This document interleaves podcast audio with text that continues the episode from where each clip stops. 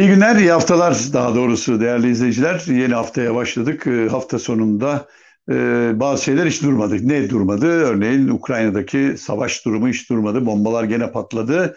İnsanlar öldü.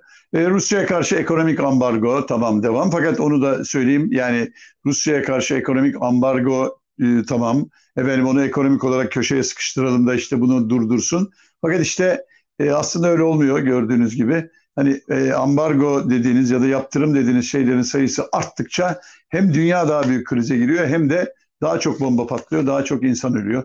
Bunun için de Tayyip Erdoğan'ın Putin'le görüşmesi var. Zamlar aynen devam etti. Benzin zammı devam ediyor. Ayçiçeği yaşadık. Şimdi e, kısa kısa üzerlerinde bir iki saniye durmak istiyorum. Bakın ayçiçek olayı tam bir rezalet. Yani şu anda Türkiye'nin ayçiçek ihtiyacı var mı? Yok. Yani sıkıntı var mı? Yok. Stoklarda erime var mı? Yok. Peki ne oluyor? Ha ne oluyor biliyor musunuz? İşte bu iktidarın Türkiye'ye yaptığı en büyük kötülük. İnsanlarda artık güven kalmadı. İnsanlarda gelecek endişesi çok yoğun ve insanlar artık çok korkuyorlar. Çünkü neden? Kazandıkları parayı bir şeye yetiştirmekte artık çok zorlanıyorlar. Ee, çok ilginç e, durumlarla da karşı karşıya kalıyorum ben de. Hiç ummadığım insanlardan e, bana gelip e, yakınanlar var. E, bunun en güzel örneği hafta sonunda iki tane resmi üniformalı polis ilk defa rastlıyorum. Yani daha önce polislerle çok konuştum. E, yan yanayken işte sıkıntılarını, şikayetlerini dile getirirler ama ilk defa daha böyle kalabalık da bir ortamda seslerini de hiç öyle alçatmaya falan e, gerek duymadan gayet yüksek sesle yani biz de ne yapacağımızı bilemiyoruz. E, aldığımız maaş zamları daha ikinci gününde gitti dedikten sonra çok önemli bir şey söylediler e, hırsızlık ve e, dolandırıcılığın çok arttığını söylediler. Dediler şu anda bütün teşkilat olarak yani kendi bu bunlar çevik kuvvet ya da işte hani cinayet masası şu bu falan değil işte yani normal polisler e, mahallelerde bakan e, hırsızlık ve dolandırıcılıktan başımıza alamıyoruz dediler. Bu müthiş bir şey. Neden? Çünkü artık insanlar çaresiz hırsızlık artıyor. Gasp olayları çok daha fazla olabilir fakat çok sayıda kamera olduğu için fazla göze alamıyorlar. O zaman ne oluyor? işte ev hırsızlığı, daha tenha yerlerdeki e, bir takım e, dükkandı, şuydu buydu soygunlar artıyor. Bir de dolandırıcılık. Hemen hemen her gün bir arkadaşımızdan duyuyoruz. İşte sitesi hack, hackleniyor, yok Instagram hesabı hackleniyor. Buradan bir şey istiyorlar. Onun bir tek amacı var. Bu saniyelik bir iş. O hackleme sırasında eğer daha önce bir banka işlemi falan yaptıysa anında şifreleri elde edip 30-40 saniye içinde alabildikleri kadar parayı oradan oraya nakledip ondan sonra buharlaştırabiliyorlar. Ya da e, işte uyanık davranıyorsanız e, o tür şeylerde e, engel olabiliyorsunuz. E, hafta sonunun öyle yani ha, geliyorum şimdi ayçiçek. Bir bu. iki bakın e, kontrolsüz şey yapınca yani e, iktidar yönetimde zafiyet gösterince ne oluyor? Sanki Türkiye'nin ayçiçeği bitmek üzere e, Rusya daha doğrusu Ukrayna'dan gelecek olan ayçiçek gelemiyor çünkü e, Azak Denizi olduğu gibi Rus kontrolünde olduğundan e, oradan gemilerin çıkışına izin vermiyorlar şu anda. Ha, sadece Türk gemileri değil. Aralarında Türk gemilerinde olduğu pek çok gemi şimdi o denizde bekliyor mal indirmek ya da yüklemek için. Türkiye'ye 7 geminin beklediği söylendi. Şimdi bu haber yayıldı. Bununla ilgili hükümet artık o kadar şaşkın vaziyette ki gerekli önlemi alıp gerekli açıklamalarını yapamayınca ne oldu? Benim sıradan vatandaşım paniğe kapıldı. Dedi ki bu yağ bugün 100 lira, yarın 200 olur. Alabildiğim kadar alayım. Şimdi yani çok çirkin manzaralar oldu. Var mı öyle bir görüntü? Bakın onu bir izleyelim şöyle e, varsa eğer e, yağ şeyi bakın. Bakın şimdi rezaleti görüyor musunuz? Yani sanki yağ kıtlığı var ve insanlar hani bu yağı alamazlarsa aç kalacaklar gibi üst üste üst üste birbirlerini çiğneyerek alıyor. Ha tabii bunda marketlerin de kabahati var. Ne yaptılar onlar da? Ee, bir bölümü stokta saklıyor. İşte bir bölümü de yağı getirip herkesin ortasında o da kendini kurtarmak için muhtemelen yağı getirip ortaya koyuyor. Tabii insanlar alıyor. Şimdi tabii bu biraz da kültürle de ilgili bir işte ama işte diyorum ya insanların inancı kalmadı. Bakın Ukrayna'da savaş var. görüntüleri e, izliyorsunuz ara sıra. Hani böyle marketlerin önünde ya da bir e, bir şey dağıtılıyorsa insanlar normal sıraya giriyorlar. Medinince bekliyorlar. Böyle üst üste üst üste yığılıp da hani kapan aldı götürdü. Çünkü panik havası yaşıyorlar. Bu çok kötü bir şey. Ama e, yeri gelmişken şunu hatırlatayım. Zeytinyağı ağaçlarını kesmeye yeltenen bu iktidar herhalde şimdi zeytinyağının ne kadar önemli olduğunu anlıyordur. E, ayçiçekte dışa bağımlıyız ama zeytin ve zeytinyağında dışa bağımlı olmamız mümkün değil. Ama işte tarımı yok ettikleri gibi şimdi zeytin tarımını da yok etmeyi göze alıyorlar. Neden? 3 kuruş daha hızlı fazla para bakın. Daha hızlı ve biraz daha fazla para. Oysa zeytin ağaçlarını kendi haline bırakır oralardan mermer alacağım yok altından bilmem ne çıkaracağım demezseniz en az önümüzdeki 200 yıl aynı oranda zeytin verecek. Halbuki e, aşağıdaki e, şey bitecek e, maden. Onun için yani bu da bir kulaklara küpe olmalı, ders olmalı diyorum. Tayyip Erdoğan'ın hafta sonunda yaptığı bu Putin'le görüşme. Şimdi bakın geçenlerde yani daha doğrusu geçen haftanın son e, Perşembe günü yaptığım sohbette e, Tayyip Erdoğan'ın bir anda e, tekrar yükselişe geçebileceğini ve hatta ömür boyu iktidarda kalmak üzere zaten plan yaptığını ama bu Ukrayna krizinin de ona bu konuda bir destek sağlayabileceğini anlatmıştım. Tabii e, yani bunu duymak istemeyenler biraz kızdılar şunlar ama bakın adım adım geliyor. Yani Putin'le görüştü. Şimdi Tayyip Erdoğan Putin'le ne görüşür ve niye görüşür? Heh. Ancak bu diğer ülkelerin de e, yani Avrupa ve e, Amerika kastettiğim o NATO ülkelerinin de e, hem şeyiyle tavsiyesiyle hem de o yolu açmalarıyla bakın e, eğer Rusya bir e, anlaşma zeminine gidecekse NATO ülkeleriyle konuşmak durumunda ve bugün itibariyle bunu bu konuşmayı yapabilecek tek ülke konumunda Türkiye var. Daha doğrusu Türkiye sanki buraya itildi. Hem çok yakın olmamız hem de hani diğer NATO ülkelerinin tamamı bir tavır almış oldu. Türkiye bunu almadı ya da işte alma dediler.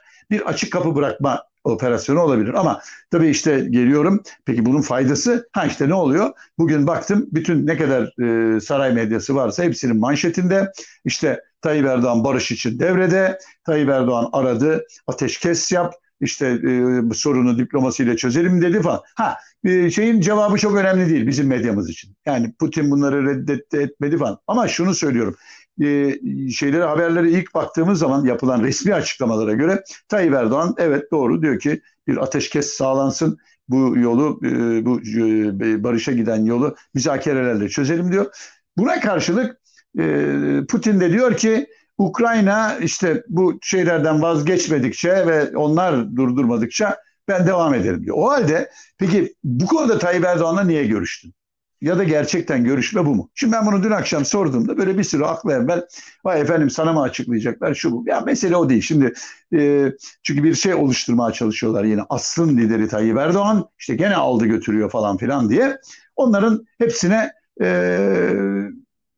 yani hem cevabımız var hem de tabii bu saçma sapan bunu buradan böyle işte aslın lideri, dünya lideri o yön veriyor falan gibi kandırmaca. Ama etkili mi? Evet işte zaten onu söylemeye çalışıyorum bu propaganda etkili olur ve Tayyip Erdoğan'ın e, gücü artabilir. Ha ama geldiğimiz noktada hele şu mesela yağ krizi yaşıyorlar. Hele şu benzin belli ki daha benzin önümüzdeki 4-5 gün her gün zamlanacak.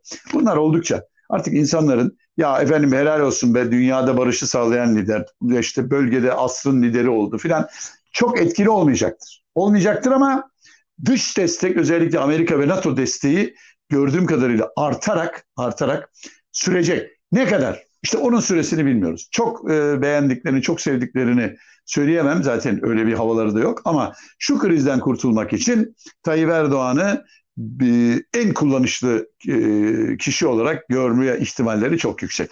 Şimdi bugün e, sizlere aslında dün akşamdan da yani Twitter'da izleyenler görmüşlerdir. E, son günlerde yani daha doğrusu Cuma'dan beri çok konuşulan biraz magazin belki ama e, yani daha doğrusu film olayı. Bergen filmi. Bergen e,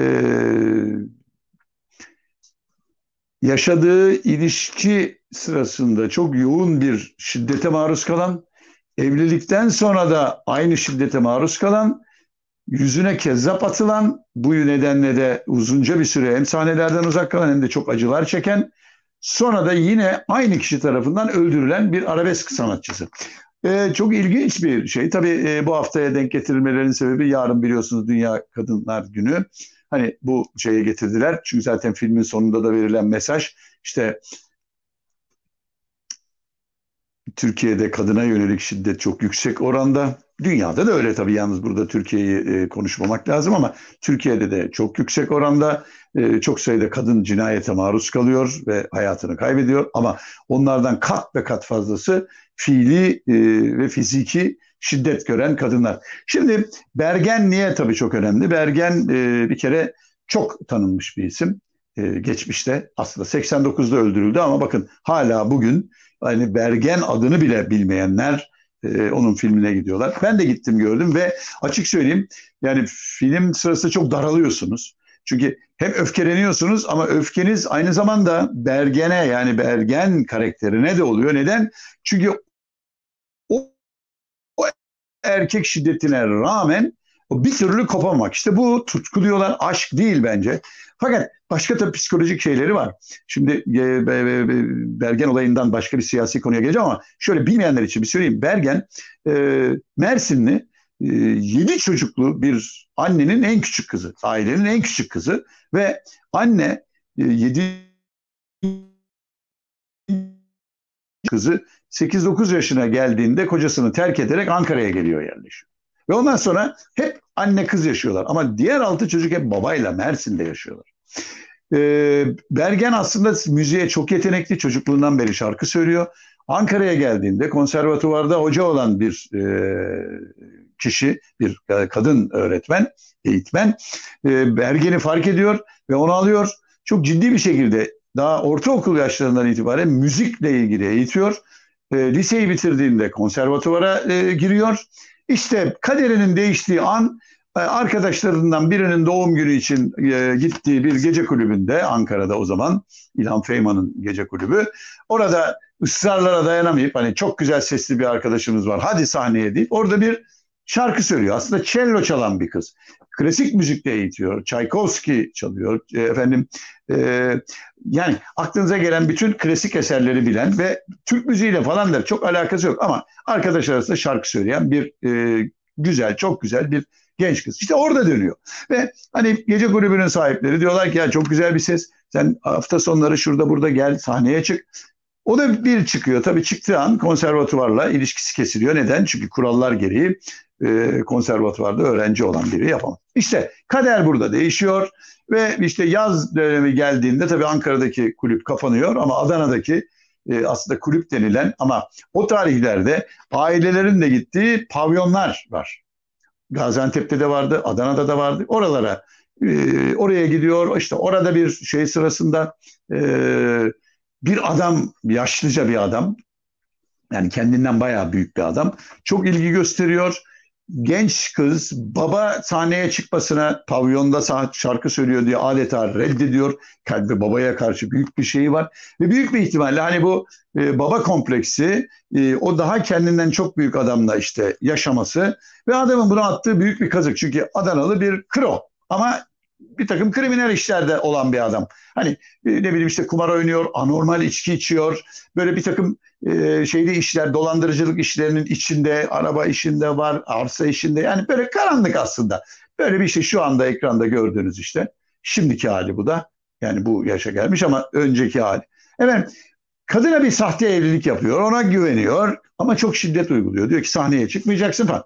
Yani şimdi Bergen'in hikayesiyle aklınızı şey yapmayın. Neyse sonuçta o e, şey e, fakat kadın da o baba kompleksi olduğunu zannediyorum kurtulamadığı için sonuçta e, öğreniyor ki sahte bir evlilik var. İşte adam bunun üzerine adam tam bir psikopat ama. Yani bir an dünyanın en melek insanı, en romantik insanı böyle e, odasını güllerle donatıyor. Ne bileyim işte önünde geliyor, ağlıyor, yerlere kapanıyor tekrar. Fakat işte ruhunda bir şey var. Yani çocuk dövüyor, efendim işte kadın dövüyor, devamlı şey ihmal. Sonra anlıyoruz ki adamın iki tane çocuğu var mı zaten evliymiş falan. Neyse o evliliklerini bırakıp tekrar gelin yapıyor. İşte orada sinemada izlerken seyircinin müthiş bir infiali oldu.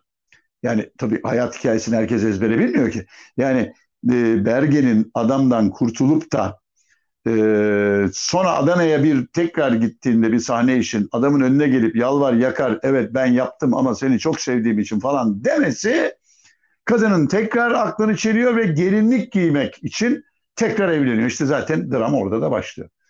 Ama evlendikten üç gün sonra zaten tekrar şiddet başlıyor. Çünkü adam normal bir adam değil. Tam bir hani e, kendini Anadolu erkeği diyen yani pavyona her gün giden, kumara oynayan, içki içen, e, kendi ailesi dışında her türlü kadınlarla her ilişkiyi yaşayan ama biriyle bir parça daha ciddi olduğu zaman bunu namus meselesi yapıp işte şarkı da söylemeyeceksin, sahneye de çıkmayacaksın, başka sağda solda da gezmeyeceksin diyen bir adam. Sonuçta kadın tabii tekrar kurtulmak durumunda. Annesi geliyor, kurtarıyor, alıyor ve, işte İzmir'e gittiklerinde gene takip, yüzüne kezzap. iki sene hiçbir şey yapamam fakat işte onunla beraber de müthiş bir şöhret kazanıyor. Acıların kadını. Ha. Ve en sonunda yine bir Adana'ya gidişte yine kendi dayanamıyor. Çünkü adama bir şekilde hem haddini bildirmek istiyor hem de kopamıyor kafaca. Ve işte gene bir karşılaşmada adam gene sarhoş. Gene önce buna yalvar, yakar, önünde ayaklarına kapanma. Fakat bu hayır deyince çekiyor tabancayı, altı kurşun saydırıp öldürüyor. Şimdi buraya kadar bir dram. Fakat şimdi esas sorun sona. Herkesi öfkelendiren. Bu şahıs cinayetten sonra kaçıyor, Avrupa'ya kaçıyor, Almanya'ya gidiyor. Sonunda izi bulunuyor. Almanya makamlarına söyleniyor ki bu Türkiye'de cinayet işledi bunu bize iade edin. Almanya'da bunu tutuyor iade ediyor. Türkiye'ye geliyor, yargıya çıkıyor, yargılanıyor. 15 yıla mahkum ediliyor cinayet suçundan. Fakat iyi hali nedeniyle bu ceza 3 yıla indiriliyor. O kadar e, şeyi de yani 3 yılı da 7 ay infaz olarak yatıp çıkıyor. Yani bir kadını öldüren, önce yüzüne kezap atan, onun biraz cezasını çekiyor hapiste. Ama esas bir kadını öldüren, annesini ağır yaralayan, ölümden döndüren, daha sonra kaçıp giden bir adam sadece ve sadece 7 ay hapiste kalarak 7 ay hapiste kalarak özgürlüğüne kavuşuyor. Ve bugün aynı adam. Bir takım televizyonların işte bu Tayyip Erdoğan'ın çok sevdiği A Haber, Ma Haber falan gibi kanallarda da parlatılıyor. Adam ekrana çıkıyor ve diyor ki hiç pişman değilim. Tam maganda bir kafa, tam bir hani kendine Anadolu erkeği diyen mantıkla ben ona Adana'nın en lüks evini açtım. Ee, en iyi eşyaları aldım eve. Yani bir anlamda hani altın kafesten söz ediyor. Yani ben ona çok güzel ev aldım. Efendim parasını eksik etmedim. İstediği e, şeyleri aldım. Ama şunu bilmiyor ki hayatı yaşatmadı asla. İşte ve rahat yaşadığı gibi hiç de pişman değilim. Bugün olsa gene yaparım diyor ve bu adam elini kolunu sallayarak gezdiği gibi Adana'nın e, Kozan ilçesi orada yaşıyor çünkü. Kozan ilçesinin MHP'li belediye başkanı da diyor ki kardeşim biz bu Bergen filmini burada oynatmıyoruz. Neden? E içinde şiddet varmış. Neyi oynatıyorlarmış onlar? Hürkuş, Eren, e, efendim Malazgirt gibi. Malazgirt dediği filmde şiddetin en şeyi var biliyorsunuz. Yani savaş sonuçta. Onları oynayacağız çünkü gençlerimizi biz bunlarla önüne açacağız diyen bir MHP kafası daha doğrusu işte AKP kafası. E, filmi de oynatmıyorlar. E, oynayacak diye de çevik kuvvet filan çağırıyorlar ne olur ne olmaz. Hani oynatmasınlar diye. Türkiye'nin geldiği nokta. Ve şimdi buradan siyaseten bağlamak istedim. Bakın cinayet işleyen bilerek isteyerek ama yani öyle kazara ay e, şey oldu da o sırada bıçak vardı da işte falan değil. Tabancayı takmış beline tak tak tak tak altı kurşun saydıran adam.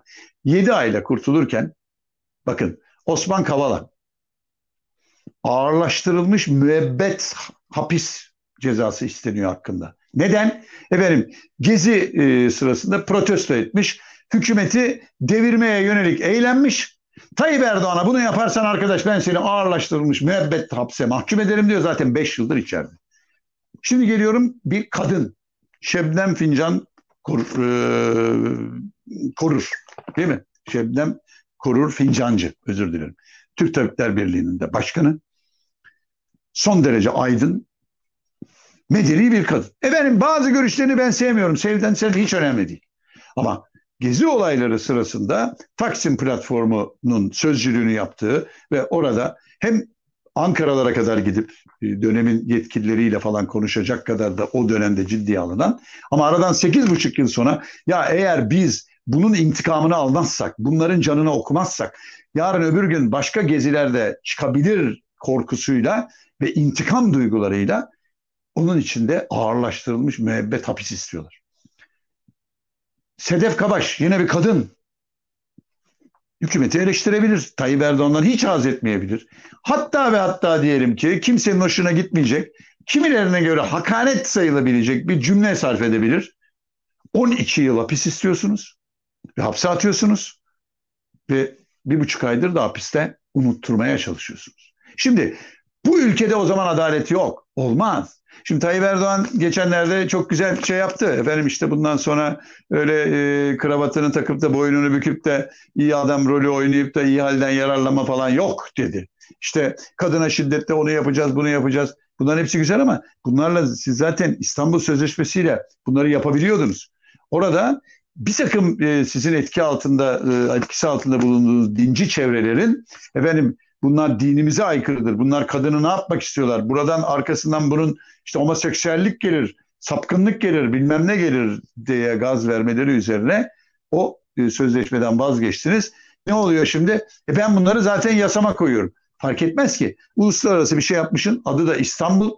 Zaten bunları uygulayacaktın. Niye şimdi yapmıyorsun? Ha, burada aykırı olanlara aynı ağır hakaretler, aynı şiddet, aynı kötülük ve aynı iyi e, hal durumu uygulansın diye ayırıyorsunuz. Türkiye'de bu konuda adaleti yerine getiremediğiniz sürece daha çok bergenleri kaybederiz. İsimsiz 2000 bergen var. Biliyor musunuz? Son 3 yılın bilançosunda isimsiz. Bergen bir sahne sanatçısı olduğu, tanındığı için bugün filmi bile yapılıyor. Ama 2000 daha var bu şekilde öldürülmüş. Aynı gerekçelerle, aynı mantıkla erkeklerin kıskandım, namusuma laf söyletmem, çocuklarımın anası nasıl beni terk eder gider, onun ve, ve, ve benim çocuklarımın anası gitmiş başka heriflerle falan gibi.